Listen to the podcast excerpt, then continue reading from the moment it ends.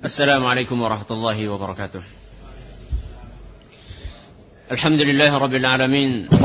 الرحمن الرحيم. مالك يوم الدين. والصلاة والسلام على نبي الكريم الأمين وعلى آله وصحبه ومن تبعهم بإحسان إلى يوم الدين. أما بعد. Kita panjatkan puji syukur kepada Allah Subhanahu wa taala. Pada pagi yang cerah ini kita masih diberi kekuatan, hidayah dan taufik dari Allah Azza wa Jal sehingga kita bisa bermajlis di Masjid Al-Barakah ini. Semoga Allah Tabaraka wa taala berkenan untuk menjadikan apa yang kita kerjakan ini dicatat di dalam timbangan amal kebaikan kita. Amin ya rabbal alamin. Salam dan salam semoga selalu tersanjungkan ke Nabi besar kita Muhammad sallallahu alaihi wasallam kepada para sahabatnya, keluarganya dan umatnya yang setia mengikuti tuntunannya hingga hari akhir nanti. Kaum muslimin dan kaum muslimat yang kami hormati. Khalifah kaum muslimin yang keempat yaitu Uthman ibnu Affan radhiyallahu taala anhu dikisahkan Seandainya beliau mendatangi pemakaman umum karena beliau berziarah, maka beliau pun menangis dan mengucurkan air mata sampai diceritakan saking banyaknya air mata yang beliau keluarkan sampai membasahi jenggot beliau. Pada suatu hari ada di antara orang yang hadir Melihat Uthman bin Affan menangis seperti itu, beliau bertanya, Tadhkurul jannata wan nara wa la tabki wa tabki min hadha? Wahai Uthman, ketika kamu mengingat surga dan neraka, kamu tidak menangis. Kenapa engkau menangis? Justru ketika engkau berada di pemakaman umum. Maka Uthman radhiyallahu taala menjawab, karena saya pernah mendengar Rasulullah sallallahu alaihi wasallam bersabda, "Innal qabra awwalu manazilil akhirah." Sesungguhnya kuburan adalah merupakan pintu pertama kita masuk ke dalam alam akhirat. Fa in naja minhu fama ba'dahu aisar. Seandainya seorang di alam kubur dia sudah selamat, maka perjalanan dia selanjutnya akan lebih mudah. Wa illam yanju fama ba'dahu ashad. Seandainya seorang di alam kubur saja dia sudah tidak selamat, maka perjalanan selanjutnya jauh lebih berat. Hadis riwayat Tirmidzi dan dihasankan oleh Syekh Al-Albani rahimahullah. Jadi inilah yang menyebabkan kenapa Utsman ibnu Affan radhiyallahu anhu setiap beliau ziarah kubur selalu beliau menangis. Bahkan diceritakan sampai membasahi jenggotnya.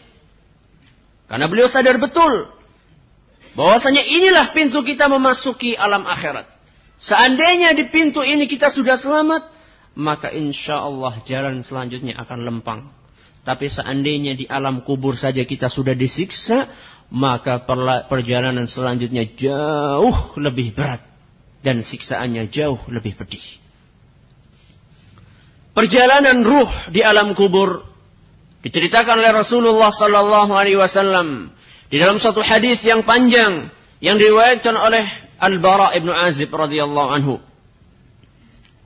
Dan hadis ini disebutkan oleh Imam Ahmad di dalam musnadnya dan disahihkan oleh Imam Al-Hakim dan Syekh Al-Albani rahimahumullah. Kata Al-Bara ibn Azib, pada suatu hari kami beserta Rasulullah sallallahu alaihi wasallam mengantar jenazah salah seorang sahabat dari kalangan golongan Ansar. Sesampainya kami di pemakaman, kuburan belum selesai untuk digali. Maka seluruh sahabat yang ada saat itu semuanya duduk mengelilingi kuburan yang sedang digali.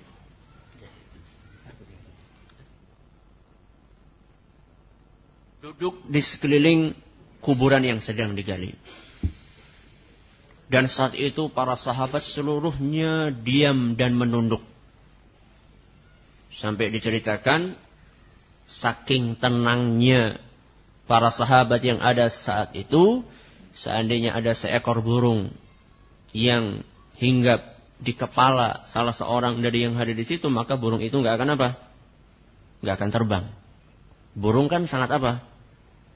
Sangat sensitif begitu dengar dikit gini langsung apa? Langsung terbang. Saking semuanya tenang di situ, seandainya ada burung yang hinggap di kepala salah seorang dari sahabat yang ada saat itu, maka burung itu nggak akan terbang.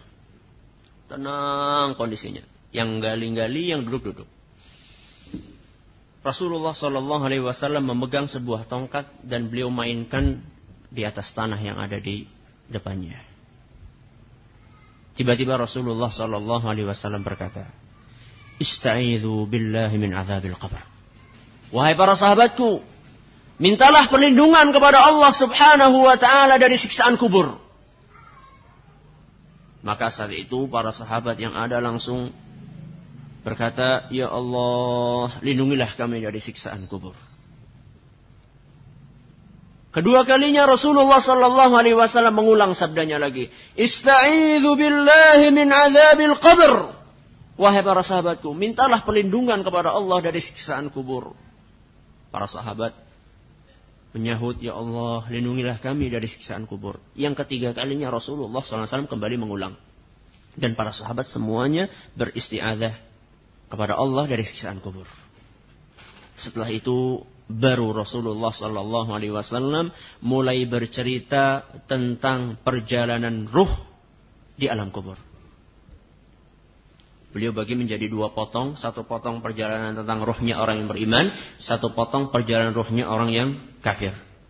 Kata beliau, seandainya orang yang beriman dalam keadaan sakaratul maut, dia sudah begitu rindu dengan kematian dan dia sudah melupakan dunia, saat itu turunlah para malaikat yang berwajah putih dan cerah dari langit mengelilingi sosok tubuh orang yang beriman tadi. Begitu seluruhnya malaikat itu sudah duduk di sekeliling orang yang beriman tadi, datanglah malaikat pencabut nyawa. Malaikat pencabut nyawa tadi duduk di arah kepala orang yang beriman. Ketika malaikat pencabut nyawa duduk, dia pun berkata, يا أيتها النفس الطيبة اخرجي إلى رحمة من الله ورضوان Wahai nyawa yang baik.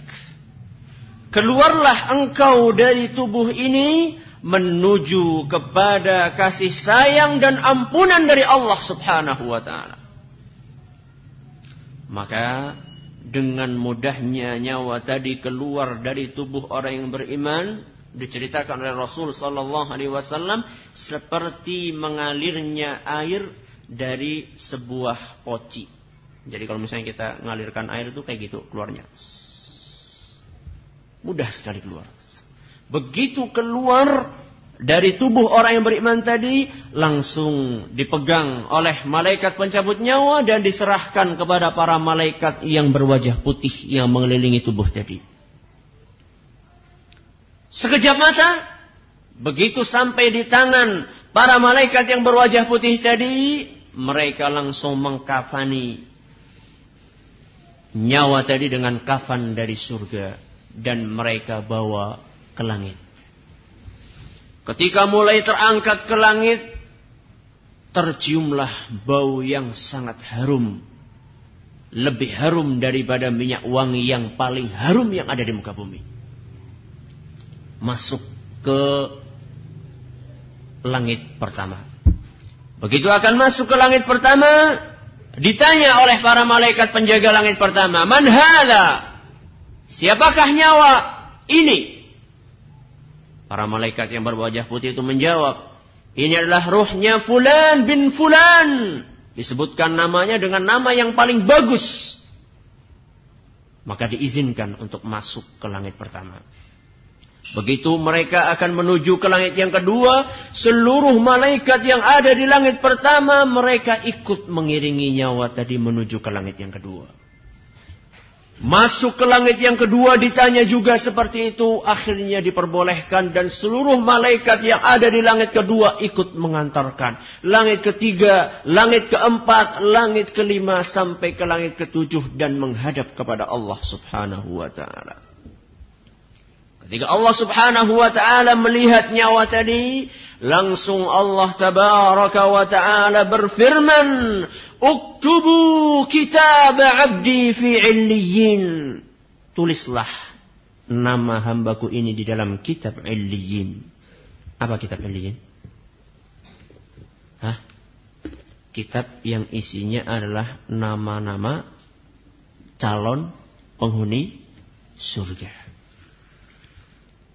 Jadi kata Allah Subhanahu wa taala, tulis nama orang ini dalam kitab Illiyin yaitu kitab yang berisi nama-nama calon penghuni surga. Ditulis.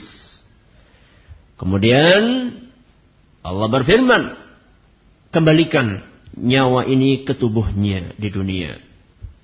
Karena darinya lah aku ciptakan dan kepadanya lah akan aku kembalikan dan kemudian nanti aku akan angkat darinya dikembalikan nyawa tadi ke jasadnya. Ketika masuk ke jasadnya, datang dua orang malaikat yang bertanya, Man Rabbuka, siapakah Robmu? Dengan mudah dia menjawab, Rob saya adalah Allah. Ditanya lagi, Madinuka, apakah agama kamu? Langsung dijawab, agama saya adalah Islam. Man Nabiyuka, dijawab lagi, Nabi saya adalah Muhammad sallallahu alaihi wasallam. Begitu seluruh pertanyaan-pertanyaan tadi dijawab dengan baik, langsung terdengar suara dari langit, An sadaqa abdi. Seluruh jawaban hambaku tadi sudah benar. Wa afrishu lahu baban ilal jannah. Bukakan pintu ke surga. Kuburannya tadi dibukakan dari kuburannya pintu ke surga. Begitu dibukakan pintu ke surga, langsung hawa harum dan sejuk dari surga masuk ke kuburan orang tadi. Dan kuburannya dibuat oleh Allah subhanahu wa ta'ala seluas mata memandang. Ketika dia sedang merasakan nikmatnya alam kubur. Tahu-tahu datang. Seseorang yang berwajah begitu tampan pakaiannya bagus, baunya harum. Maka orang beriman tadi bertanya, Man anta? Siapa kamu? Kayaknya wajah kamu itu pertanda baik. Kata tadi, kata orang tadi, Ana amaluka salih.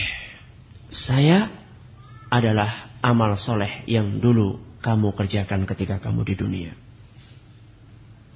Begitu mendengar seperti itu, langsung orang yang beriman tadi, Ya Rabbi, aqimis sa'ah. Wahai Allah, segeralah datangkan hari kiamat.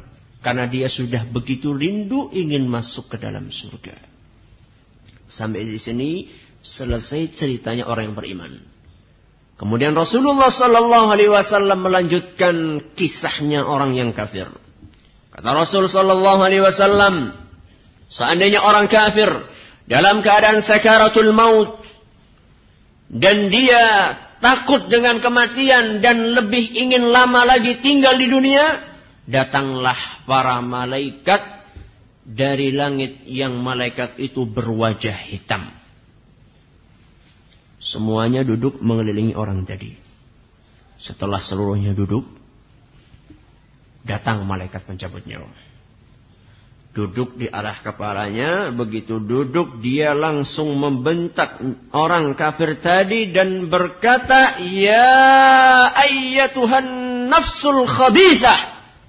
Wahai nyawa yang buruk. Ukhruji ila ghadabin min Allah wa sakhat. Keluarlah kamu dari tubuh ini menuju kepada kemurkaan Allah subhanahu wa ta'ala nyawa yang sudah sampai di tenggorokan tinggal keluar. Begitu mendengar teriakan dari malaikat pencabut nyawa, langsung nyawa tadi berlarian masuk lagi ke dalam tubuh. Tidak mau keluar. Karena dia merasa takut. Disuruh keluar tapi menuju ke mana? Menuju kepada kemurkaan Allah Subhanahu wa taala. Karena tidak mau keluar, maka malaikat nyawa, malaikat pencabut nyawa tadi mencabut nyawa orang tadi dengan paksa. Diceritakan seperti besi yang ada jeruji-jerujinya dimasukkan ke dalam kapas yang basah, ditarik seperti itu. Susah nariknya. Tapi akhirnya dicabut, begitu dicabut dari nyawa orang kafir tadi, dari tubuh orang kafir tadi langsung diberikan kepada malaikat yang berwajah hitam, begitu sampai di tangan para malaikat yang berwajah hitam langsung dikafani dengan kain kafar yang kain kafan yang sangat kasar dan dibawa ke langit. Begitu dibawa diangkat ke langit, terciumlah bau yang sangat busuk dari nyawa orang kafir tadi lebih busuk daripada bau bangkai yang paling busuk yang ada di muka bumi. Dibawa ke langit pertama. Begitu dibawa ke langit yang pertama, mau masuk ke langit yang pertama ditanya, "Man Siapakah ini?" "Hala fulan ibnu fulan." Ini adalah nyawanya fulan bin fulan dengan nama yang paling buruk. Begitu dengar bahwasanya adalah nawanya orang kafir, maka langsung ditolak. Tidak boleh masuk ke langit yang pertama. Apalagi sampai ke hadapan Allah subhanahu wa ta'ala. Begitu ditolak, langsung dilemparkan ke muka bumi sambil Allah Subhanahu wa taala berfirman, "Uktubu kitab abdi fi sijjin." Tulislah nama hambaku ini di dalam kitab sijjin. Apa kitab sijjin? Apa kitab sijjin? Kebalikannya kitab Eliyin. Apa? Kitab yang isinya adalah apa? Calon-calon penghuni apa? Neraka. Ditulis di dalam kitab Sijin. Kemudian langsung nyawa tadi dikembalikan ke tubuhnya. Begitu dikembalikan ke tubuhnya, datang dua orang malaikat membawakan pertanyaan yang serupa seperti yang ditanyakan kepada orang yang beriman. Man Rabbuka, siapa Rabbmu? Man Nabiyuka, siapa nabimu? Madinuka, apa agamamu? Dan seluruh pertanyaan-pertanyaan tadi dijawab. Ha, ha, la adri. Hah? Hah? Saya nggak tahu. Ditanya siapa Rob kamu, saya nggak tahu. Ditanya apa nabi, eh, siapa nabimu, dijawab saya nggak tahu. Ditanya apa agamamu, saya nggak tahu. Begitu Ditanya seperti itu dan tidak bisa menjawab, langsung terdengar suara dari langit, an afrishu lahu baban ilan nar. Bukakan pintu baginya ke neraka. Begitu pintu dibuka, langsung menghembus hawa panas dari neraka ke dalam kuburan orang tadi dan bukan hanya menghembus bau busuk dan panasnya neraka, tapi nerakanya tadi juga dipres oleh Allah Subhanahu wa taala sampai tulang belulangnya masuk satu sama lainnya. Ketika dia sedang merasakan sakit yang sedemikian rupa, datanglah seorang yang sangat buruk mukanya, baunya sangat busuk dan pakaiannya copang-camping. Ingin menamani orang tadi. Maka ditanya, Man anta? Siapakah kamu? Wajah kamu pertanda kesialan. Maka langsung orang yang berwajah buruk tadi menjawab, Ana amaluka sayyi. Ana adalah dosa-dosa yang dulu kamu kerjakan ketika kamu di dunia. Begitu mendengar seperti itu, dia berkata, Ya Rabbi, la tuqimis sa'ah. Wahai Rabbi, janganlah engkau datangkan hari kiamat.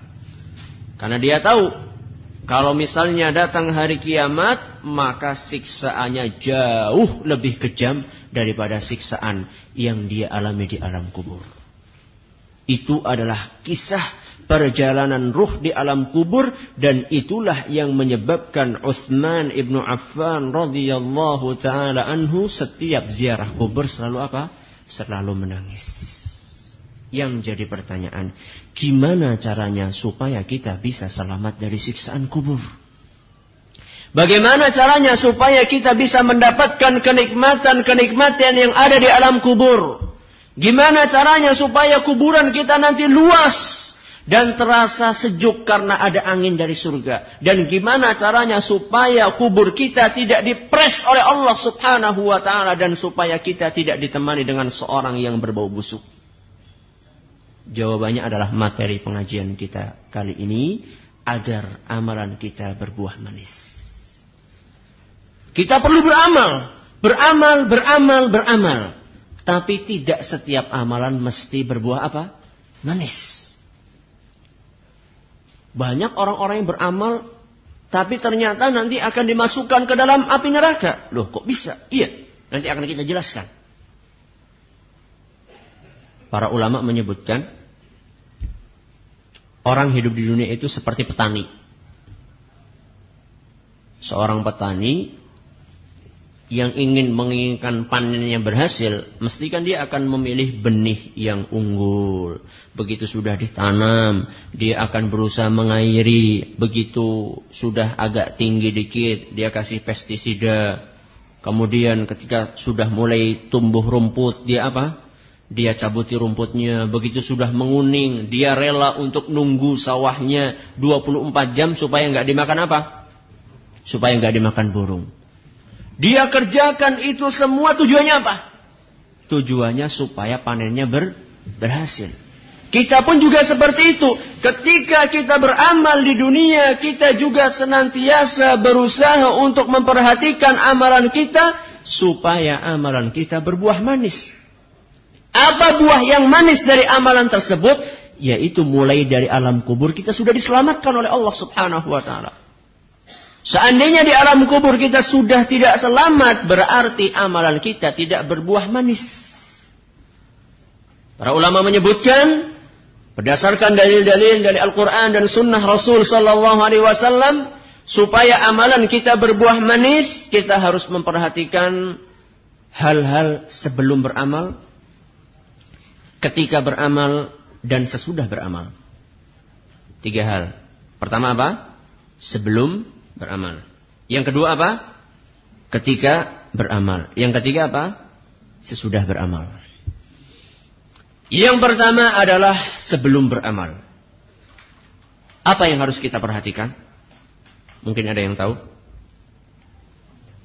Hah? Niat. Selain niat apa? Ikhlas. Selain ikhlas apa? Hah? Itiba. Selain itiba. Nggak apa-apa, dijawab aja. Insya Allah keliru pun nggak disuruh push up. Nah, apa kira-kira? Ilmu, selain ilmu. Sebelum beramal. Ini yang terkadang dilupakan oleh kita semua. Disebutkan oleh Syekhul Islam Ibn Taimiyah rahimahullah. Yang perlu kita perhatikan sebelum beramal adalah memperbesar rasa tawakal kepada Allah. Apa? Memperbesar rasa tawakal. Kenapa? Jawabannya adalah kenapa? Kenapa kok kita harus memperbesar rasa tawakal? Jawabannya, karena manusia adalah makhluk yang lemah. Maka di dalam surat An-Nisa ayat 28, Allah Subhanahu wa taala berfirman, "Wa khuliqal insanu dha'ifa." Dan manusia diciptakan oleh Allah Subhanahu wa taala sebagai makhluk yang apa? Yang lemah. Karena kita makhluk yang lemah, maka kita tidak mungkin bisa beribadah kalau nggak dapat pertolongan dari siapa? Dari Allah. Dan pertolongan dari Allah subhanahu wa ta'ala tidak akan kita dapatkan kecuali seandainya kita apa? Tawakal kepadanya. Saya ulangi lagi, kenapa kok kita harus bertawakal sebelum apa? Beramal. Jawabannya, karena kita adalah makhluk yang lemah. Karena kita makhluk yang lemah, maka kita tidak mungkin bisa beramal kalau tidak mendapatkan pertolongan dari Allah. Dan pertolongan dari Allah tidak akan turun kecuali seandainya kita memperbesar apa? Rasa tawakal kepada Allah Azza wa Jalla. Bukti bahwasannya atau contoh nyata bahwasannya seorang itu tidak mungkin bisa beramal kalau tidak mendapatkan bantuan dari Allah. Sebagai ilustrasi saja ada dua orang yang sama-sama miskin Sama-sama penghasilannya nggak menentu. Sama-sama rumahnya gedek. Sama-sama sehari makan, sehari tidak. Apa yang membedakan antara dua orang miskin itu yang rumahnya dempetan, berdampingan. Miskin yang pertama setiap mendengarkan Allahu Akbar, Allahu Akbar, azan, selalu dia segera memenuhi panggilan suci tadi. Dan dia tinggalkan seluruh pekerjaan-pekerjaan dia. Karena kata-kata Allahu Akbar sudah dihayati betul-betul oleh dia. Apa artinya Allah Akbar? Allah Maha Besar. Berarti kalau sudah dengar Allah Akbar, selain Allah apa? Kecil. Berarti toko apa? Kecil. Sawah? Kecil. Sekolah? Kecil. Apalagi kasur. Lebih kecil lagi. Karena dia sudah meyakini bahwasannya Allahu Akbar. Artinya adalah Allahu Akbar. Maka seluruh yang ada di hadapannya dia tinggalkan. Kemudian dia segera pergi ke masjid. Dan itu rutin dia kerjakan. Orang yang kedua, yang kedua ini Jangankan sholat lima waktu. Bau masjidnya aja nggak pernah mencium. Bau masjid aja nggak tahu gimana bau masjid. Apalagi so, sholat. Yang jadi pertanyaan, kenapa yang satu ini rajin sholat, yang satunya sama sekali nggak mau sholat, padahal sama-sama mis miskin. Sama-sama penghasilannya nggak menentu, sama-sama rumahnya gede. Kenapa? Karena yang pertama mendapatkan pertolongan dari Allah sehingga hatinya dibuka. Sedangkan yang kedua belum mendapatkan pertolongan dari Allah sehingga hatinya tertutup. Contoh pentingnya pertolongan dari Allah subhanahu wa ta'ala. Contoh yang kedua. Ilustrasi dua orang kaya. Sama-sama kaya, sama-sama rumahnya gedong, sama-sama mobilnya banyak, sama-sama punya tabungan di bank sekian puluh juta atau mungkin sekian ratus juta. Apa yang membedakan antara dua orang ini? Sama-sama rumahnya berdampingan. Yang satunya, Masya Allah, sangat dermawan.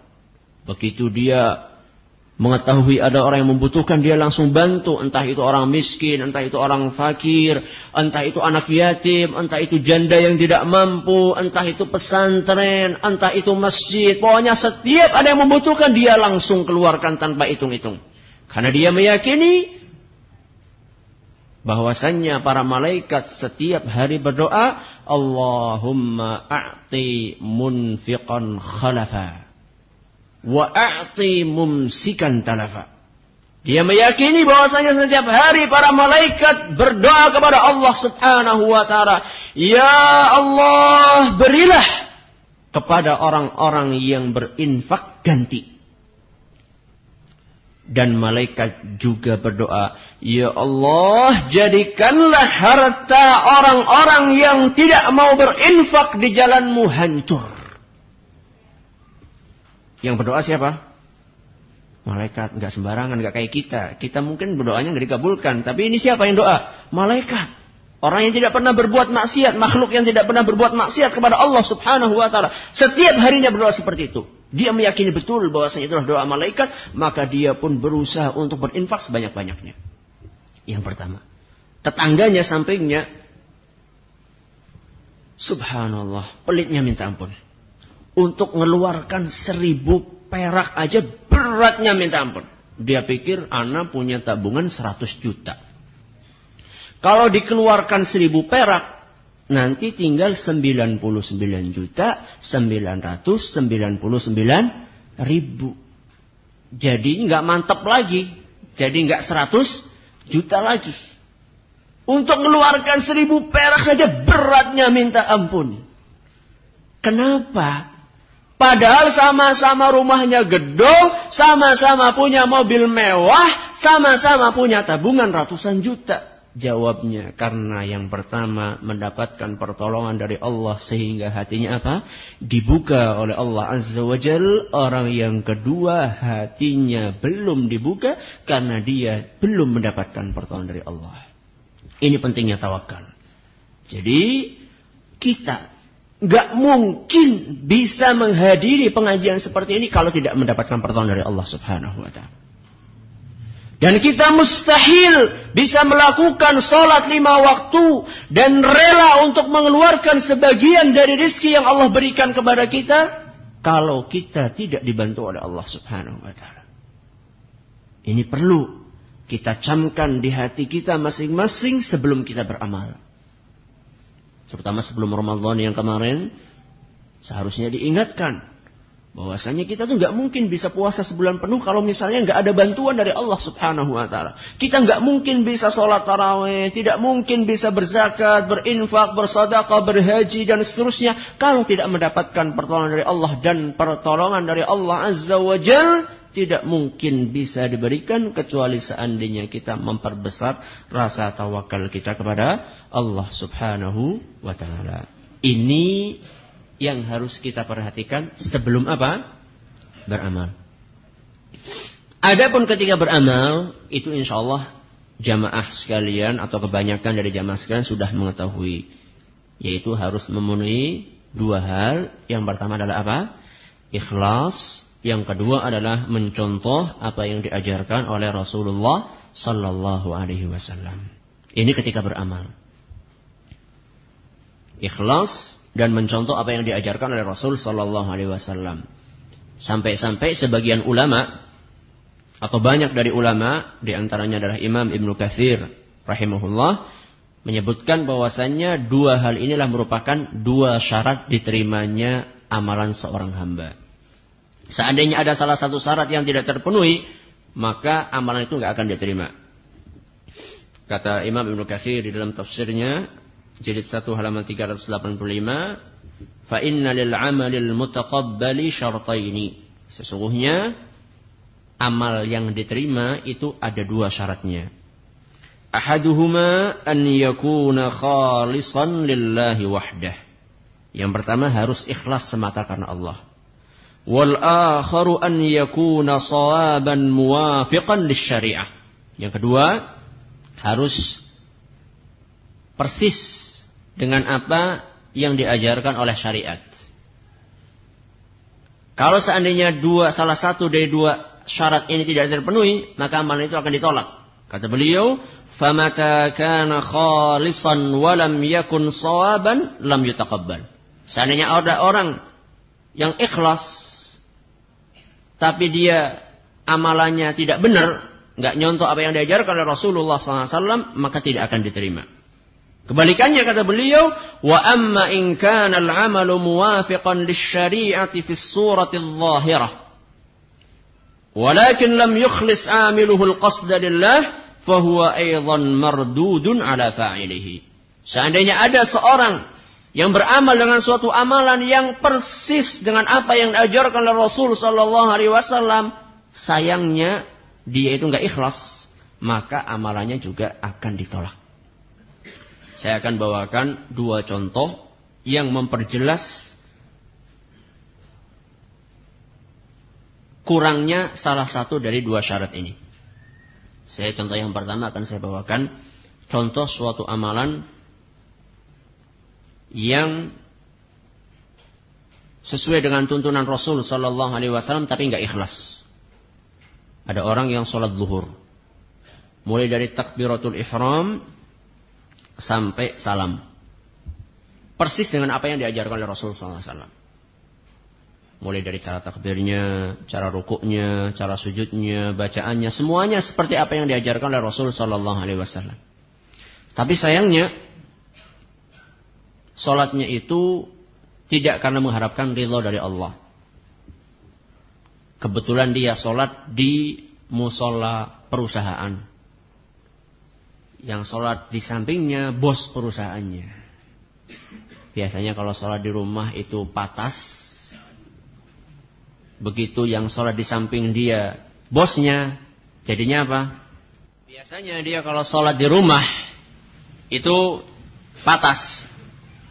Nggak nyampe lima menit sholat duhur yang empat rakaat bisa apa? Bisa selesai. Tapi begitu sholatnya di sampingnya ada bosnya, maka sholatnya jadi pos biasa. Bisa sampai seperempat jam nggak selesai-selesai.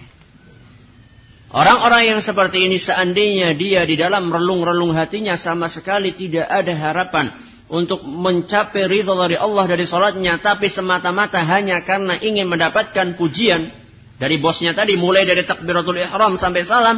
Maka sholatnya itu tidak akan diterima oleh Allah. Alasannya apa? Karena nggak ikh, ikhlas.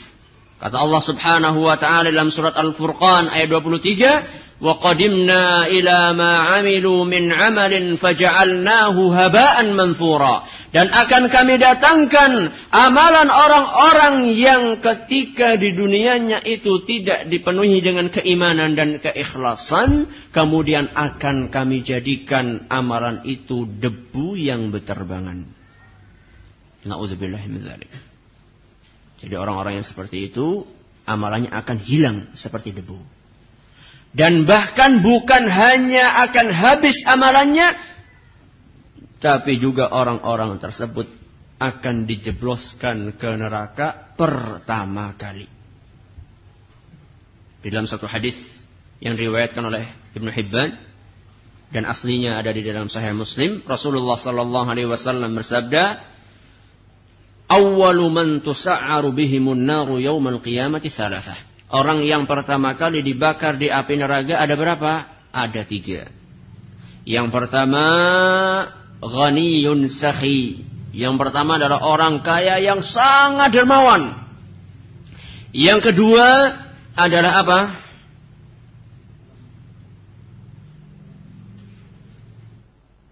Qari'un lil Quran. Apa yang pertama tadi adalah qari'un lil Quran. Yang pertama adalah seorang yang pintar membaca Al-Quran. Yang kedua adalah orang yang kaya raya dan dermawan.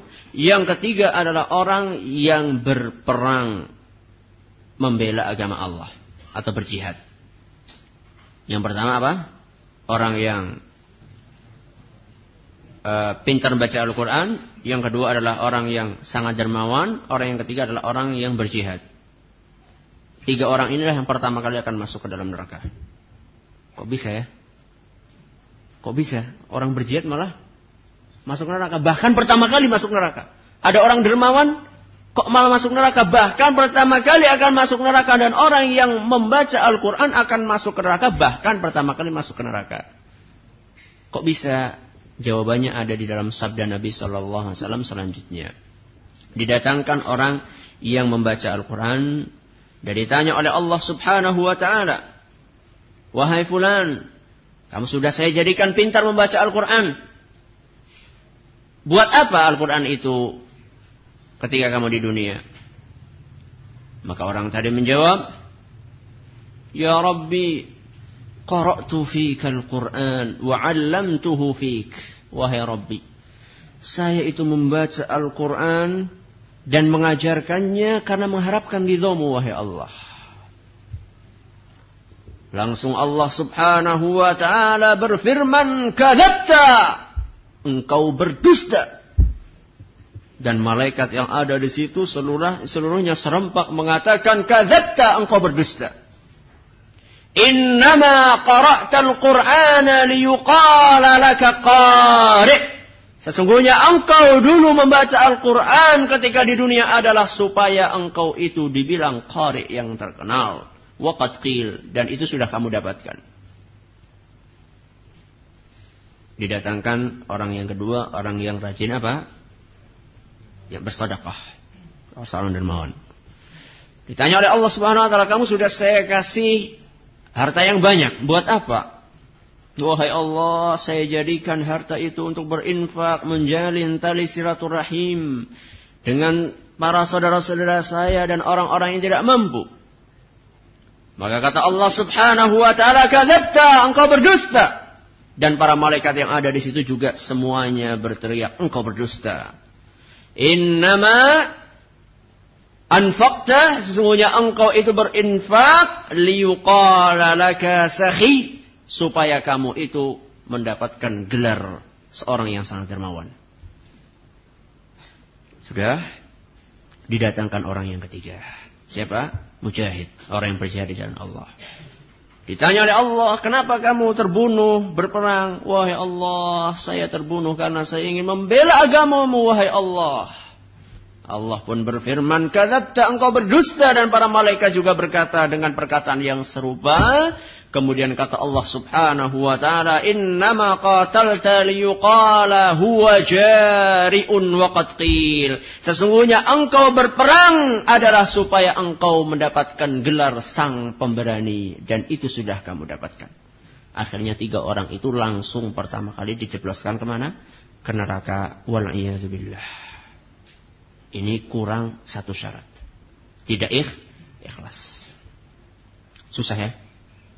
Susah ya mau masuk surga ya? Iya susah. Kalau mau masuk neraka gampang. Makanya kata Rasul sallallahu alaihi wasallam, "Huffatil jannatu bil makarih." Sesungguhnya jalan menuju ke surga itu diliputi dengan hal-hal yang berat. Emang mau masuk surga berat, nggak gratis masuk surga itu.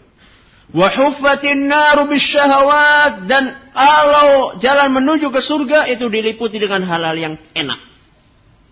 Jadi kalau mau masuk ke neraka gampang aja. Nggak usah sholat, nggak usah puasa, nggak usah ngaji, nggak usah apa-apa. Langsung nanti apa? Lempeng aja masuk ke mana? Ke neraka. Nggak usah susah-susah kalau masuk neraka. Tapi kalau masuk surga itu yang susah. Mau beramal, beramalnya harus sesuai dengan tuntunan Rasul. Salah salah udah kayak gitu harus ikhlas. Nggak ikhlas masuk ke neraka. Nggak sesuai dengan tuntunan Rasul juga masuk neraka. Susah. Emang susah. Nggak ada yang namanya surga itu gra gratis. Ini contoh orang yang beramal kurang syarat ikhlas. Contoh yang kedua adalah orang yang beramal kurang syarat nggak nyontoh apa yang diajarkan oleh Rasulullah SAW. Ada orang sholat zuhur. Ikhlas banget mulai dari takbiratul ihram sampai salam. Ikhlas betul-betul karena Allah. Tapi sholat zuhurnya lima rakaat. Berapa rakaat? Lima. Ketika ditanya, kenapa ente sholat lima rakaat? Kalau empat rakaat pahalanya dikit. Anak pengennya lebih banyak lagi. Berapa? Lima rakaat. Kalau empat rakaat kan pahalanya cuma empat. Anda lima rakaat pahalanya lima. Lebih banyak kan daripada itu. Diterima nggak amalnya? Hah? Enggak. Kenapa? Karena nggak nyontoh apa yang diajarkan oleh Rasul Sallallahu Alaihi Wasallam. Jadi niat yang benar aja nggak cukup.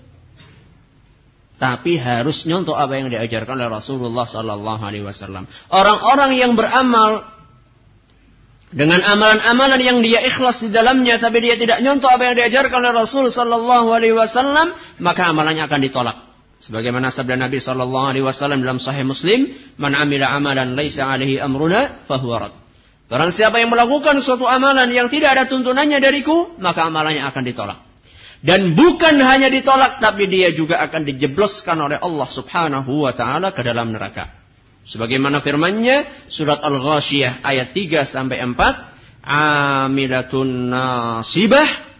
Lanjutannya apa? Tasla naran hamiyah.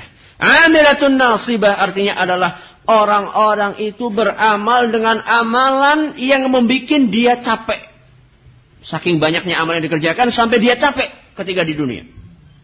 Apa ganjarannya? ganjarannya tasla naron hamiyah akan dijebloskan ke dalam api neraka yang menyala-nyala. Subhanallah. Orang beramal amalannya banyak dan saking banyaknya sampai dia capek kok malah masuk ke mana? Masuk ke neraka. Berarti ada yang keliru. Apa? Enggak nyontoh dengan apa yang diajarkan oleh Rasulullah Sallallahu Alaihi Wasallam. Maka jadilah kita seorang Muslim yang kritis kalau misalnya ada orang yang ngajarkan gini-gini, kerjakan gini, kerjakan gini, tanya, ada dalilnya enggak? Qurannya ada enggak? Hadisnya ada enggak? Kalau ada hadisnya sahih enggak? Kita hidup di dunia cuma sekali. Kita hidup di dunia cuma sekali. Jangan sampai kita melakukan suatu amalan-amalan yang ternyata kita udah capek banget. Akibatnya malah masuk ke dalam neraka. Misalnya diajarin, kamu baca Ya Latif, Ya Latif, Ya Latif seribu kali. Ntar kamu gak akan kelihatan sama orang. Ilmu menghilang. Kita harus tanya, mana dalilnya? Ada nggak dalilnya dari tuntunan Rasul Sallallahu Alaihi Wasallam? Kalau ada hadisnya dan hadisnya sahih, sami'na wa Tapi kalau misalnya nggak ada hadisnya, cuma itu akal-akalan orang saja, maka afwan saja. Bilang aja sorry ya, anak nggak mau. Hidup ana di dunia cuma sekali. Ana pengen amalan ana berbuah manis di sisi Allah subhanahu wa ta'ala. Jadi seorang muslim, jadilah seorang muslim yang kritis. Gak usah takut. Misalnya ada orang yang isi pengajian, tanya, Ustaz, tadi Ustaz mengatakan kayak gini, gini, gini. Apa dalilnya? Gak apa-apa tanya, asal sopan. Gak apa-apa tanya kepada Ustaz, dan tidak perlu takut kepada Ustaz. Asal tanyanya sopan. Gak apa-apa, tanyakan. Jadi jadilah seorang muslim yang kritis karena kita hidup di dunia cuma sekali. Kita koreksi amalan-amalan yang kita kerjakan selama ini. Jangan-jangan amalan yang kita kerjakan itu enggak ada tuntunannya dari Rasul Sallallahu Alaihi Wasallam. Ini poin ketika ketika beramal. Adapun sesudah beramal yang perlu kita perhatikan ada dua. Apa itu? Ada yang tahu? berdoa. Yang lain. Hah? Tidak riak. Tidak riak tadi ketika beramal, ikhlas. Tidak ujub. Istiqomah. Ada lagi? Muhasabah. Pintu masih dibuka, silakan. Tidak menyebut-nyebut. Ada lagi? kita sesudah beramal sebagaimana disebutkan oleh Syekhul Islam diperintahkan untuk memperbanyak dua hal. Yang pertama istighfar, istighfar, yang kedua adalah hamdalah. Istighfar yang mengucapkan astagfirullah. Yang kedua adalah ham, hamdalah. Ini sudah beramal. Kalau kita jeli, kita habis sholat, pertama kali yang diperintahkan baca apa? Astagfirullah, astagfirullah, astagfirullah. Orang dia mungkin bisa bertanya, astagfirullah itu kan saya memohon ampunan kepada Allah. Istighfar kan orang yang melakukan perbuatan dosa. Hah?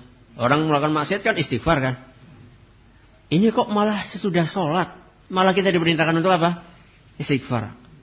Emangnya sholat maksiat? Ya enggak jelas sholat adalah merupakan satu amalan yang sangat mulia. Tapi yang jadi pertanyaan sesudah kita melakukan ibadah yang sangat mulia, kenapa kok malah kita diperintahkan untuk is istighfar? Siapa yang tahu? Hah? Karena belum tentu amalan kita diterima. Yang lain? Karena kita merasa bahwasanya sholat kita itu masih sangat jauh dari kesempur kesempurnaan. Itu jawabnya kenapa kita is istighfar. Siapa di antara yang hadir di sini yang pernah sholat khusyuk mulai dari takbiratul ihram sampai salam? Sekali aja dalam hidupnya, angkat tangan. Anak nggak angkat tangan. Hah? Subhanallah. Seorang ibu atau seorang ummahat baru Allahu Akbar yang terbayang apa? Aduh, ikan asin tadi dijemur belum diangkat. Gimana kalau misalnya ada apa? Ada kucing. Itu baru takbiratul ihram. Kalau udah salah mungkin sudah masuk ke dunia lain kayaknya. Kita juga kayak gitu kan? Kita juga kayak gitu. Baru Allahu Akbar. Oh iya ya, kacamata tadi. Oh iya, anak taruh di sana. Sebelum sholat dicari-cari gak ketemu-ketemu ketika sholat baru keinget. Oh iya ternyata kecamatan anak taruh di sana. Memang setan seperti itu.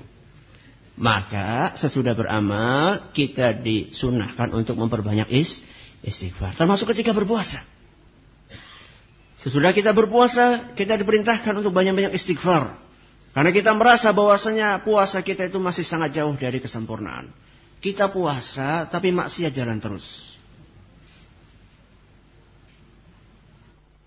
Sebagian orang mengira bahwasanya puasa itu hanyalah meninggalkan sesuatu yang hukumnya sebenarnya boleh di luar Ramadan. Apa itu? Makan dan minum. Makan dan minum itu di luar Ramadan boleh nggak? Boleh. Ketika masuk Ramadan jadinya nggak nggak boleh menggunjing, cuci mata, mendengarkan hal-hal yang diharamkan oleh Allah, itu di luar Ramadan boleh nggak? Boleh nggak? Apalagi, apalagi di bulan Ramadan. kita masih ada di antara kita yang lebih memperhatikan untuk meninggalkan hal-hal yang sebenarnya boleh di bulan Ramadan, kemudian kita lupa nggak meninggalkan hal-hal yang sebenarnya diharamkan di luar Ramadan, apalagi di bulan Ramadan. Bukti nyatanya apa? Puasa, kita terpuasa, tapi tapi cuci mata jalan terus. Ada salah seorang eh, Hasan Al Basri, Al Hasan Al Basri, salah seorang ulama yang terkenal Suatu hari dia berangkat Idul Fitri. Berangkat Idul Fitri. Ketika dia pulang dari Id, dia langsung ditanya sama istrinya. Wahai Hasan. Kamim ra'atin hasna'a ra'aitahal yawm. Sudah berapa cewek cakep yang kamu lihat mulai kamu dari keluar rumah sampai pulang lagi. Hebat ya istri kayak gini ya. Ada nggak istri yang sekarang berani nanya suaminya kayak gitu?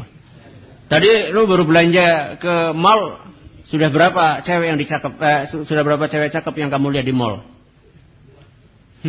Dua. Kayaknya banyak deh. Nah, ditanya kayak gitu sama istrinya. Karena memang musimnya uh, Idul Fitri kan musimnya orang pakai pakaian yang apa? Yang bagus, pada berdandan. Ditembak kayak gitu sama apa? Sama istrinya. Apa jawaban Al Hasan? Wallahi katanya.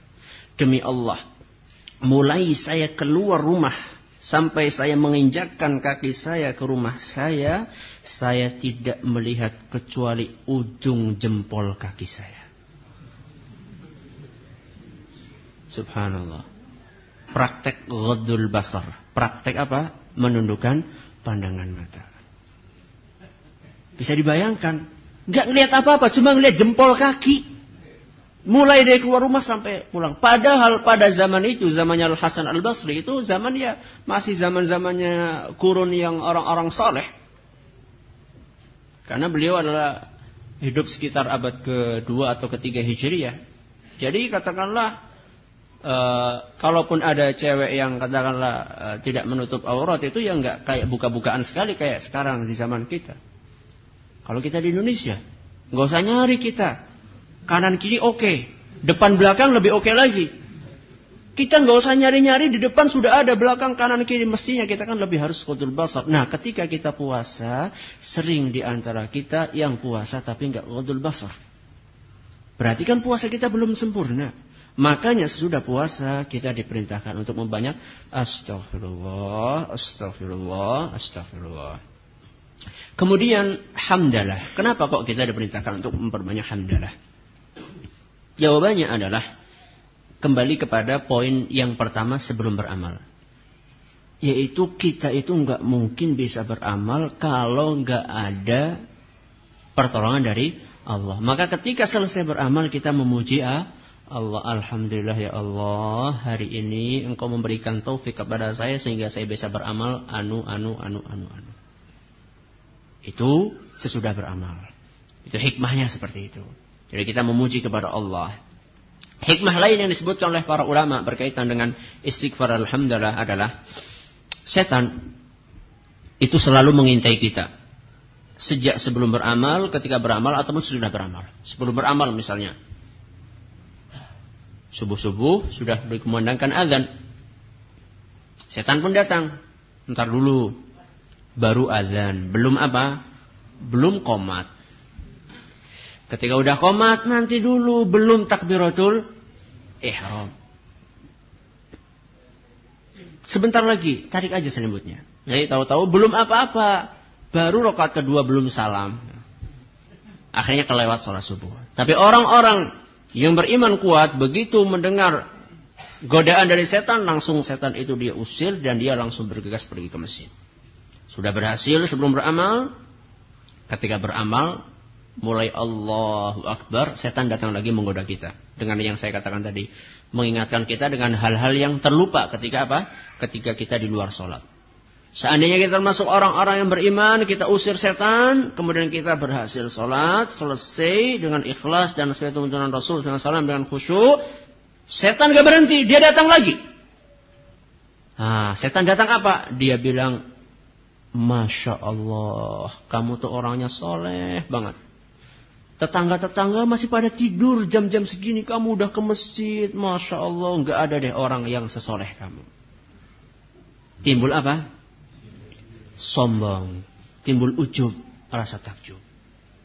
Nah untuk memecahkan virus atau mematikan virus takjub ini caranya adalah memperbanyak istighfar dan hamdalah. Begitu ada virus setan tadi masuk supaya kita sombong kita langsung astagfirullah, astagfirullah, astagfirullah. Ngapain saya sombong? Lawang amalan juga masih gini-gini aja apa yang disombongkan? Ngapain sombong lawang sholat juga masih nggak khusyuk, puasa juga masih gini-gini aja, sodakoh juga masih sering riak. Ngapain saya sombong? Astagfirullah, astagfirullah, astagfirullah. Termasuk hamdalah. Alhamdulillah, anak tuh bisa melakukan seperti ini adalah karena semata-mata pertolongan dari Allah. Ngapain saya sombong? Gak ada gunanya saya sombong. Karena saya bisa melakukan semua bukan karena kemampuan diri pribadi saya. Tapi karena adanya pertolongan dari Allah. Alhamdulillah, Alhamdulillah, Alhamdulillah. Ini adalah kiat supaya amalan kita berbuah manis. Semoga kita semua termasuk orang-orang yang berhasil memenuhi kiat-kiat tersebut atas segala kurangan kami mohon maaf yang sebesar-besarnya wallahu taala alam ada pertanyaan silahkan Khotal Islam para pendengar radio Roja kita memasuki sesi tanya jawab dari pembahasan agar amalan berbuah manis bersama Ustaz Abdullah Zain Hafidhullah kita simak berikut ini dulu baru bertawakal bagaimana Ustaz uh, dengan yang yang kita pahami selama ini kan kita berikhtiar dulu baru bertawakal ini hmm. sebelum ini bagaimana? Iya. Uh, tawakal dengan ikhtiar itu adalah dilakukan secara bersamaan. Jadi sambil berusaha sambil bertawakal. Jadi misalnya kayak orang bekerja, dia berusaha sambil juga ber, bertawakal. Tidak kok harus misalnya usaha dulu baru tawakal atau tawakal dulu baru usaha. Tapi apa? Tapi hal itu berdampingan atau beriringan dan itu lebih cenderung kesannya kepada pekerjaan duniawi. Nah, sekarang kita bicarakan adalah pekerjaan ukhrawi berkaitan dengan ibadah kita kepada Allah Subhanahu wa taala. Dan tujuannya tadi sekali lagi adalah untuk mendulang pertolongan dari siapa? Dari Allah Azza wa Jalla. Berkaitan dengan tawakal ini terkadang uh, seandainya kita itu terlalu menggantungkan diri kepada diri kita sendiri maka saat itu kita akan termasuk orang-orang yang merugi. Maka di antara doa-doa Rasul sallallahu alaihi wasallam, "Wala takilni ila nafsi tarfata ain." Wahai Allah, janganlah jadikan engkau itu, jangan jadilah, janganlah engkau jadikan aku bergantung kepada kemampuan diri sendiri meskipun itu hanya sekejap mata. Kita terkadang seperti itu. Dalam beramal ataupun entah amal untuk akhirat ataupun dunia terkadang kita terlalu apa ya?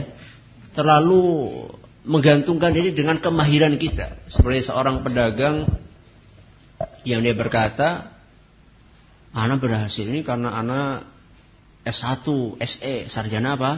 Ekonomi. Masa kayak Ana nggak berhasil? Nah, itu sudah kalau gitu berarti tawakalnya kepada Allah sudah melemah. Atau malah mungkin bisa suatu saat hilang sama sekali. Termasuk ketika kita beribadah, oh anak kan sudah rajin ngaji, masa orang kayak anak nggak nggak rajin ibadah? akhirnya bergantung kepada apa? Kepada kemampuan diri sendiri. Nah inilah yang ingin saya singgung tadi sebelum beramal. Supaya kita lebih banyak menggantungkan diri kita kepada siapa? Kepada Allah subhanahu wa ta'ala. Bagaimana jika yang meninggal orang yang hanya mengaku Islam. Atau orang Islam yang menjalankan syariat setengah-setengah. Maksudnya hanya menjalankan sholat saja. Apakah dicabut secara halus dan secara kasar atau secara kasar?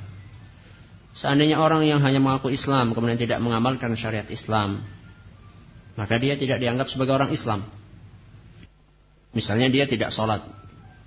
Tidak sholat, sama sekali tidak sholat ya. Yang saya katakan ini sama sekali tidak sholat. Kalau masih sholat, kadang sholat, kadang tidak, ini uh, wallahu ta'ala alam menurut pendapat yang mungkin uh, cukup kuat, itu masih dianggap sebagai seorang muslim. Tapi seandainya dia itu sudah tidak sholat sama sekali, maka uh, di dalam dirinya lah diterapkan sabda Nabi Shallallahu Alaihi Wasallam, al ahdul ladhi bainana wa bainahum salah, faman tarakaha faqad kafar. Sesungguhnya perjanjian antara kami dengan mereka itu orang-orang munafik adalah salat. Barang siapa yang meninggalkan salat tersebut maka dia telah kafir. Hadis riwayat Ahmad dan hadis sahih. Tapi seandainya uh, sudah sholat tapi masih melakukan perbuatan-perbuatan maksiat seperti kita ini, ya kita hanya bisa berharap kepada Allah Subhanahu wa taala supaya Allah memudahkan sakaratul maut kita. Dan perlu diyakini bahwasannya tidak mesti orang yang merasa sakit ketika sakaratul maut berarti dia itu adalah orang yang celaka. Karena Rasulullah Sallallahu Alaihi Wasallam pun juga merasa apa? Sakit ketika apa? Sakaratul maut. Kata beliau, Inna lil mauti la sakarat. Sesungguhnya kematian itu memang ada sakaratnya, ada rasa sakitnya. Bahkan diceritakan Rasulullah memasukkan tangannya ke bejana air kemudian dia usapkan ke mana? Ke dahinya. Jadi tidak kok berarti orang yang masih merasa sakit ketika meninggal itu berarti dia itu adalah orang yang tidak beriman, tidak mesti. Ada juga orang yang kafir ketika meninggalnya dalam keadaan tidur. Bukan berarti dia itu husnul khatimah. Enggak mesti apa? Enggak mesti husnul khatimah. Loh, itu orang nggak pernah sholat tapi meninggalnya enak-enak aja. Nggak mesti, ya, nggak mesti. Jadi pertanda-pertanda itu ada, pertanda husnul khatimah, cuman tidak bisa dipastikan bahwasanya orang yang merasa sakit ketika meninggal itu adalah berarti pasti dia itu adalah orang yang tidak beriman atau sebaliknya. Mentalkin orang yang meninggal, seandainya orang yang meninggal adalah orang kafir dan dia itu ketika diterkin uh, dia mengatakan syahadat dan betul-betul dia itu tujuannya adalah masuk Islam dan dia berhasil mengucapkannya maka kita harapkan semoga dia diampuni oleh Allah Subhanahu wa taala. Tapi perlu diketahui bahwasannya seorang itu bisa bersyahadat dengan baik ketika sebelum meninggal itu adalah cermin dari perbuatan dia selama ketika dia di dunia. Seandainya seorang ketika di dunianya adalah orang yang beramal saleh, muslim dan taat kepada Allah, maka dia akan dimudahkan oleh Allah Azza wa Jalla untuk apa? Untuk mengucapkan syahadat. Tapi seandainya dia ketika di dunianya katakanlah orang yang tidak suka beramal, maka dia pun akan dipersulit. Karena sebagian orang ada yang ngomong, "Man kana akhiru kalamihi la ilaha illallah dakhala jannah." Barang siapa yang akhir perkataannya la ilallah maka dia akan masuk surga. Dia akan bilang, "Oh, kalau kayak gitu sudahlah anak nggak usah sholat, nggak usah puasa, yang penting ngapalin apa? La ilaha illallah, la ilaha illallah. Anak kan udah apa la ilaha illallah. Nanti menjelang mati kan gampang tinggal ngomong apa? La ilallah, masuk surga dong. Enak dong kalau kayak gitu. Jadi seorang itu akhir seorang itu merupakan cermin dari selama dia hidup. Seandainya seorang hanya sekedar mengucapkan dengan lisannya, kemudian hatinya tidak meyakini, maka itu pun tidak dianggap sebagai uh, tahlil yang sempurna karena kalimat la ilaha illallah bukan semata-mata ucapan dengan lisan tapi harus ada realisasinya dari mana? Dari batin seseorang. Taib. Khotal Islam azanillah iyyakum. Kita buka sesi tanya jawab dari pendengar radio. Kita buka untuk yang pertama dari penelpon. Assalamualaikum. Iya, silakan dari mana Pak? Dari Ibnu Hasan Tangerang. Silakan. Ya, silakan Ustaz bisa simak ini.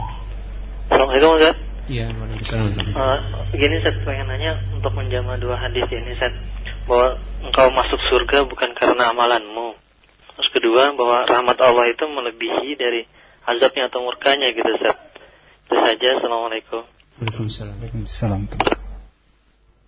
Uh, yang dimaksud dengan engkau masuk surga bukan karena amalanmu, maksudnya adalah bukan sebagai ganti dari amalan kamu. Jadi kita masuk surga bukan sebagai ganti dari amalan kita. Karena amalan kita itu sangat jauh sekali seandainya akan dijadikan sebagai ganti dari apa? Dari surga. Karena kita meyakini bahwasanya amalan kita itu sangat kurang. Adapun maksud hadis yang selanjutnya bahwasanya kita uh, amalan itu adalah salah satu penyebab kita masuk surga, itu adalah amalan sekedar sarana untuk masuk ke dalam surga. Dan itu tanpa adanya rahmat dari Allah tidak akan masuk surga. Jadi ba yang di hadis yang pertama adalah babul iwad, bab uh, ba dalam bahasa Arab ada babul iwat yaitu yang menunjukkan bahwasanya amalnya sebagai pengganti sebagai imbal imbalan dari amalan adalah masuk surga itu tidak bisa tapi kalau seandainya uh, ba yang selanjutnya itulah dianggap sebagai sarana untuk seseorang masuk ke dalam surga dan itu jelas karena kasih sayang dari Allah Subhanahu wa taala wallahu taala Taib. Kita angkat berikutnya dari penelpon kembali. Assalamualaikum. Waalaikumsalam warahmatullahi wabarakatuh. Silakan Ibu. Uh, Ustadz, Assalamualaikum. Ana mau hmm. tanya, Ana di rumah ada ibu mertua yang sakit. Uh, beliau itu ada uh, tumor otak ya. Cuma belakangan beliau itu sering melihat anak punya anak dua laki-laki sedang berwudu itu dia melihat ada sosok lain gitu selain anak-anak yang laki-laki. Uh, itu tuh saya mau tanya ini apa? Ini kan berhubungan dengan yang gaib ya Ustaz ya. Mm-hmm. Terus untuk mentalkim ibu mertua ini supaya istiqomah itu kira-kira apa yang yang yang harus kami lakukan anak-anaknya Ustaz? Ya. Jazakumullah khairan. Assalamualaikum warahmatullahi Waalaikumsalam Terima kasih. Silakan. Yang pertama masalah penampakan. Uh, bisa jadi itu adalah sekedar ilusi.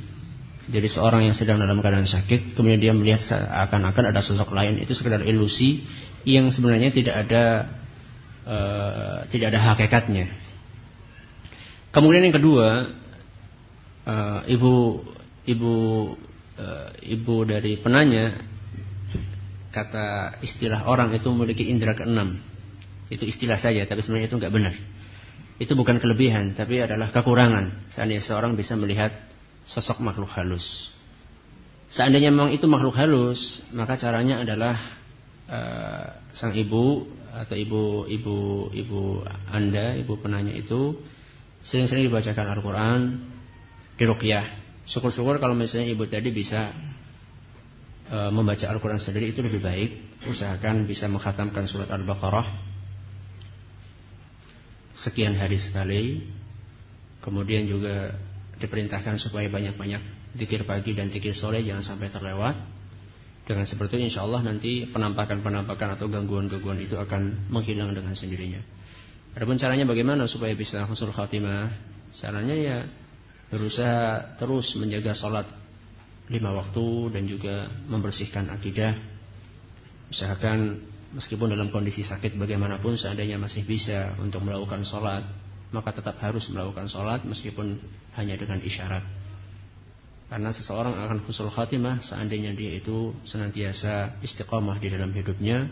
Semoga ibu dari penanya segera mendapatkan kesembuhan dari Allah Subhanahu wa taala dan juga semoga bisa husnul khatimah.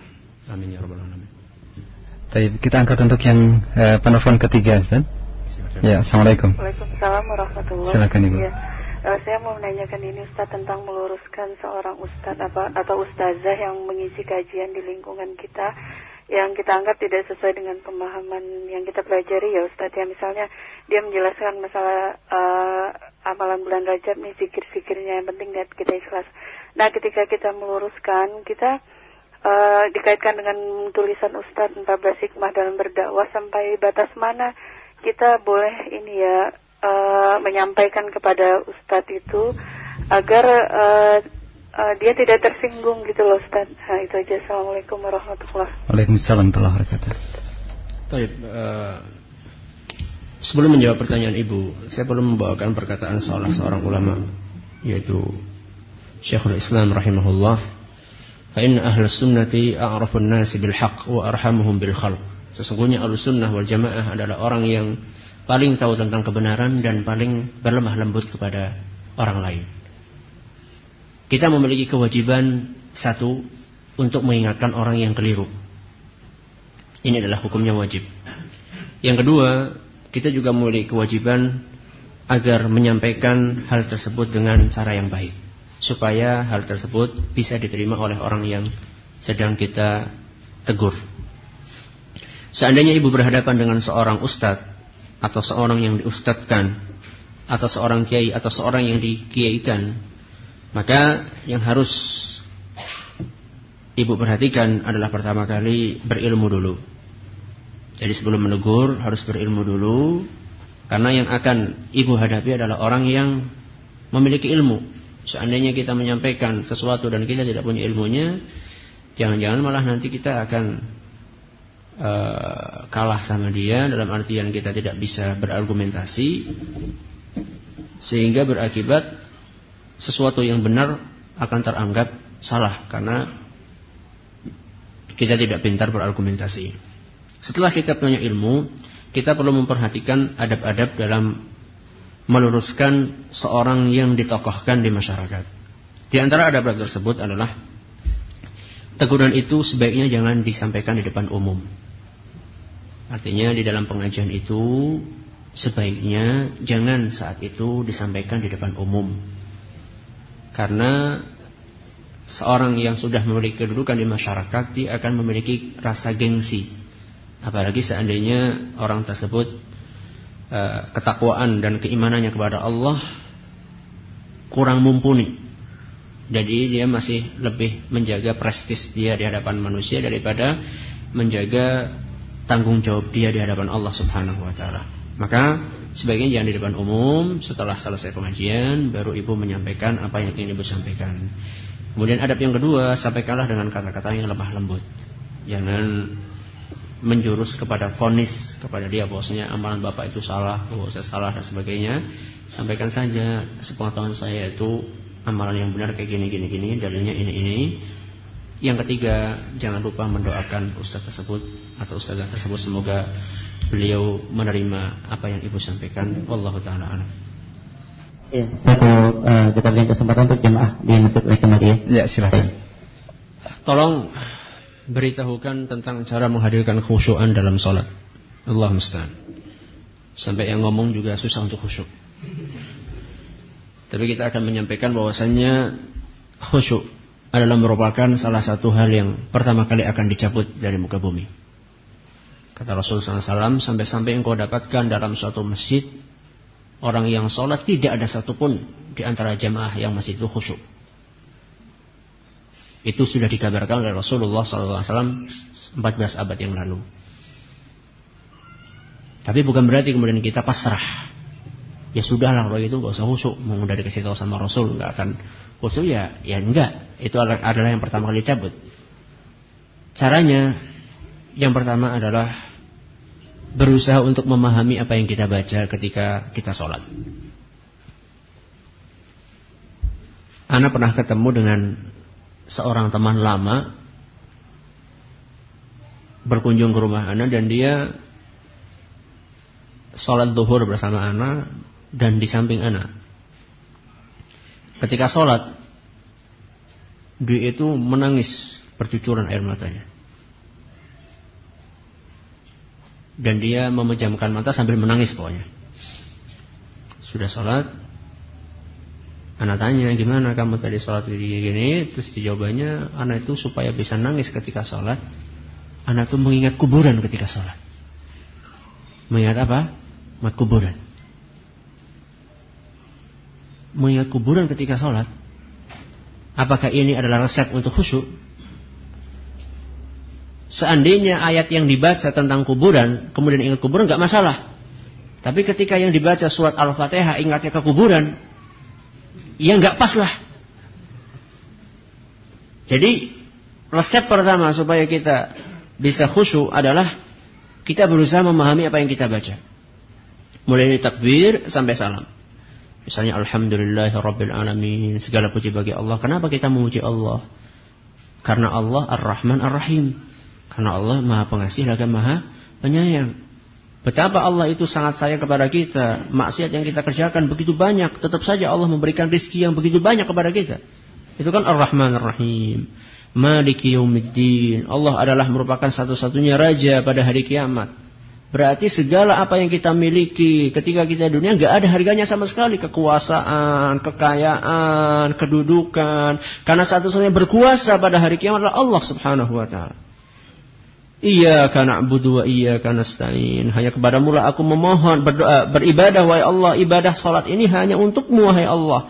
Wa karena nasta'in dan hanya kepada mula aku wahai Allah meminta tolong. Saya minta tolong kepadamu supaya saya bisa khusyuk, supaya saya bisa zikir dan seterusnya sampai akhir. Subhana rabbiyal a'la. Maha suci Allah yang maha tinggi. Ketika kita terpikir di sholat untuk ria, supaya dilihat oleh orang lain, kita langsung subhana rabbiyal a'la, Allah maha tinggi, Allah di atas segalanya, ngapain saya mencari pujian-pujian dari makhluk yang lemah, yang rendah? Kenapa saya tidak mengharapkan pujian dari yang maha tinggi? Itu seluruh zikir itu, seandainya kita uh, pahami, termasuk nanti ketika sudah membaca surat-suratan di dalam Al-Quran, pernah suatu ketika anak ngisi pengajian kemudian ditanya, Ustadz, kalau misalnya dulu pas kami saya haji di Mekah dan Madinah, saya dapatkan ketika orang-orang sholat pada nangis Ustadz. Ketika saya sholat di sini nggak ada satupun yang nangis.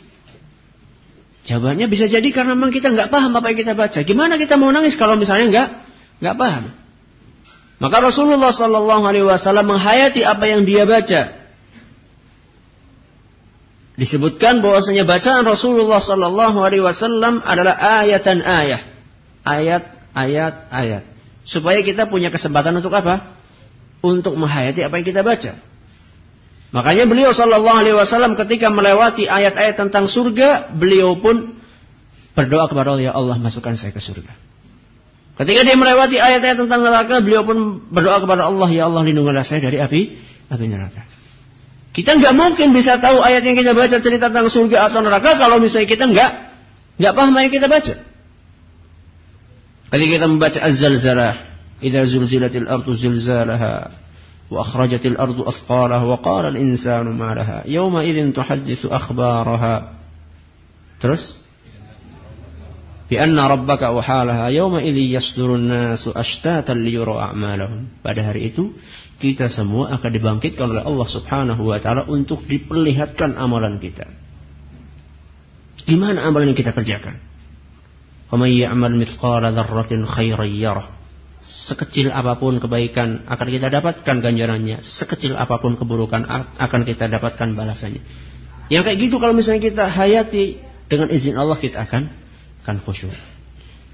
Kemudian di antara resep khusyuk adalah kita membayangkan bahwasannya sholat yang kita kerjakan adalah sholat terakhir kita sebelum menghadap kepada Allah Subhanahu Wa Taala. Seandainya misalnya ya, misalnya Misalnya ada orang yang mau dihukum mati misalnya. Dihukum matinya ba'da zuhur misalnya. Dia dikasih kesempatan untuk sholat zuhur. Kira-kira gimana tuh sholat zuhurnya? Gak tahu apakah dia itu mikir nanti gimana rasanya mati atau dia betul-betul khusuk karena ini sholat terakhir dia. Mestinya dia seharusnya ketika dia tahu mati, eh, ketika dia tahu bahwa setelah ini saya akan mati, maka dia akan berusaha sebaik-baiknya untuk apa? Untuk khusyuk ketika sholat. Nah kita pun juga berusaha seperti itu karena kita nggak tahu kapan kita akan mati. Bisa jadi habis duhur ini kita apa? Kita mati. Resep yang ketiga dan masih banyak yang lainnya. Yang ketiga di antaranya adalah kita minta pertolongan kepada Allah Subhanahu Wa Taala. Maka di antara doa Rasul Sallallahu Alaihi Wasallam, Allahumma inni eh, Allahumma inni ala dzikrika wa syukrika wa husni ibadatik. Ya Allah, bantulah saya supaya saya bisa berzikir kepadamu, bersyukur dan bisa beribadah dengan baik. Beribadah dengan baik salah satunya adalah khusyuk ketika apa? Ketika sholat. Bolehkah nah. puasa Syawal diserang-seling seperti satu hari puasa dan satu hari berbuka atau dua hari puasa dua hari berbuka? Jawabannya boleh insya Allah dan tidak harus apa? Tidak harus selalu berurutan. Meskipun kalau memang bisa berurutan itu lebih baik supaya tidak tertinggal. Anda hanya mampu beribadah yang sesuai dengan tuntunan sekian-sekian. Jauh dari orang yang beriman. Yang tadi dikisahkan. Apakah Anda bisa masuk surga pada akhirnya? Tuntunan sekian-sekian maksudnya gimana? Kalau emang maksudnya adalah tuntunan Rasulullah Shallallahu Alaihi Wasallam, tapi kita ya biasalah manusia lah, termasuk yang ngomong juga kita masih kadang-kadang terjerumus, ter, tergelincir kepada perbuatan maksiat, kemudian kita istighfar, kemudian kita merasa ibadah kita belum sempurna, kemudian kita berusaha memperbaiki, ya diharapkan kita akan masuk surga. Kita berharap akan masuk masuk surga meskipun barangkali nanti mampir dulu di neraka. Nauzu, naudzubillahi min dzalik. Karena diceritakan sekedar untuk penghibur buat kita semua di dalam Sahih Muslim Diceritakan oleh Rasul Shallallahu Alaihi Wasallam bahwasanya Nabi Musa bertanya kepada Allah, Ya Rabbi, ma adna ahlil jannati manzilatan yawmal qiyamah. Wahai Rabbi, siapa sih orang yang derajatnya paling rendah di surga? Dia tanya kepada Allah. Ingin tahu sebenarnya gimana sih orang yang derajatnya paling rendah di surga? Kata Allah subhanahu wa ta'ala. Seandainya seluruh penghuni surga sudah masuk ke surga dan masing-masing sudah mengambil jatahnya masing-masing, maka datanglah seorang yang terakhir masuk surga menuju ke surga. Kok terlambat? Mampir dulu di mana? Di neraka. Terlambat dia masuk ke surga. Ketika akan masuk Allah Subhanahu wa taala berfirman, "Udkhulil jannah." Masuk kamu ke surga. Ketika dia akan masuk, dia berkata, "Ya Rabbi, kaifa adkhuluha wa qad nazala an-nasu manazilahum wa akhadhu akhadhatihim." Wahai Allah, bagaimana saya bisa masuk surga padahal seluruh penghuni surga sudah nempati tempatnya masing-masing dan bagian mereka sudah diambil semuanya oleh masing-masing. Kalau istilah kita, kaplingannya udah apa? Udah habis. Itu istilah kita. Jadi dia kira mungkin kaplingan di surga itu terbatas. Maka kata Allah Subhanahu wa taala, "Atarda an yakuna laka mithlu mulki malikin min muluki dunia?" Wahai fulan, rela enggak kalau seandainya kamu itu nanti masuk surga dan saya beri kenikmatan di surga seperti kekayaan seorang raja yang ada di muka bumi. Yang paling apa? Yang paling rendah. Dibilang kayak gitu gimana? Mau nggak kamu dikasih kayak gitu? Mau nggak? Mau lah kita dikasih kayak kekayaan seorang bupati aja udah mending. Karena orang yang terakhir masuk surga dan paling apa? Paling rendah derajatnya. Raditu ya Rabbi ya Allah sudah saya rela dapat kekayaan seperti itu. Masa nggak rela dikasih segitu? Kata Allah Subhanahu wa taala, "Lakadzalika wa mithluhu wa mithluhu wa mithluhu wa mithluhu wa mithluhu." Kamu akan mendapatkan kekayaan seperti seorang raja dikalikan lima kali lipat. Gimana? Mau nggak? Raditu ya Rabbi, ya Allah sudah wahai Allah saya nerima dengan apa yang kamu berikan. Belum cukup. Atau Allah Subhanahu wa taala lakadzalika wa asyaratu amsalihi. Kamu akan mendapatkan itu semua dikalikan sepuluh kali lipat. Allahu akbar. Derajat yang paling apa? Yang paling rendah di surga. Maka tidak perlu putus asa. Kita bagaimanapun juga jangan sampai kita putus putus asa. Kita berusaha dalam beribadah itu memadukan antara tiga hal. Yang pertama adalah rasa takut, yang kedua adalah rasa harap, yang ketiga adalah rasa cinta. Kata Ibnu Qayyim rahimahullah, tiga hal ini adalah ibarat sayap dan ibarat kepala seekor burung. Sayap kanan adalah ibarat cinta, eh, sayap kanan adalah ibarat rasa takut, sayap kiri adalah ibarat rasa harap, kepala adalah ibarat rasa cinta. Jadi kita beribadah kepada Allah karena takut akan siksaannya, karena mengharap surganya, dan karena cinta kita kepada Allah subhanahu wa ta'ala. Seandainya salah satu dari tiga hal ini timpang, ada yang kurang, maka akan timpang juga jalan kita. Misalnya kita terlalu rasa takutnya terlalu tinggi, akhirnya kita apa? Akhirnya kita menjadi putus asa. Wah, kayaknya Allah nggak akan ngampuni dosa saya karena dosa saya sudah terlalu, terlalu banyak. Akhirnya dia putus asa. Kalau misalnya rasa harapnya terlalu tinggi, akhirnya dia bermudah-mudahan. Dia akan mengatakan, ah Allah kan maha pengampun. Begitu berdosa, ah nyantai aja Allah kan maha pengampun. Begitu kamu tuh gimana sih? Ah biasa Allah itu ampunannya sangat luas. Kita nggak apa-apa jadi jadi apa penghuni surga yang paling rendah nggak apa-apa. Kan dapat kekayaan seperti itu. Jadi nggak ada rasa takut sama sekali. Padahal satu hari di neraka seperti apa? Seribu tahun di dalam ayat lain disebutkan lima puluh ribu tahun. Bagaimana kalau misalnya kita ah oh, nyantai aja nanti di neraka juga cuma sehari. Eh sehari itu seribu tahun. Dan siksaan yang paling ringan sebagaimana disebutkan dalam hadis Bukhari dan Muslim inna ahwana ahli nari adzaban yaumal qiyamah sesungguhnya orang yang siksaannya paling ringan pada hari kiamat la min seseorang yang di bawah kedua telapak kakinya diletakkan bara api yaghli minhuma dimaghuh yang akan mengakibatkan otaknya mendidih Ma yara anna ahadan ashadda minhu adaban.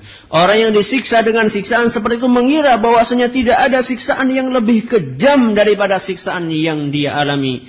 Wa innahu la ahwanuhum adaban. Padahal itu adalah siksaan yang paling ringan. Itu kalau terlalu dibesarkan rasa harapnya. Juga jangan sampai kita itu lupa untuk menunjukkan rasa cinta kita kepada Allah. Jadi kita beribadah kepada Allah bukan semata-mata karena takut surga, karena takut nerakanya, karena masuk ke surga, tapi juga sebagai wujud rasa cinta kita kepada Allah. Karena Allah sudah memberikan begitu banyak pemberiannya kepada kita, maka rasa cinta itu kita ungkapkan dengan beribadah dengan baik kepadanya. Atas segala kekurangan kami mohon maaf yang sebesar-besarnya. Subhanakallahumma wa bihamdika asyhadu an la ilaha illa anta astaghfiruka wa atubu ilaik sallallahu ala nabiyyina muhammadin wa ala alihi wa sahbihi ajma'in. Wassalamu alaikum warahmatullahi wabarakatuh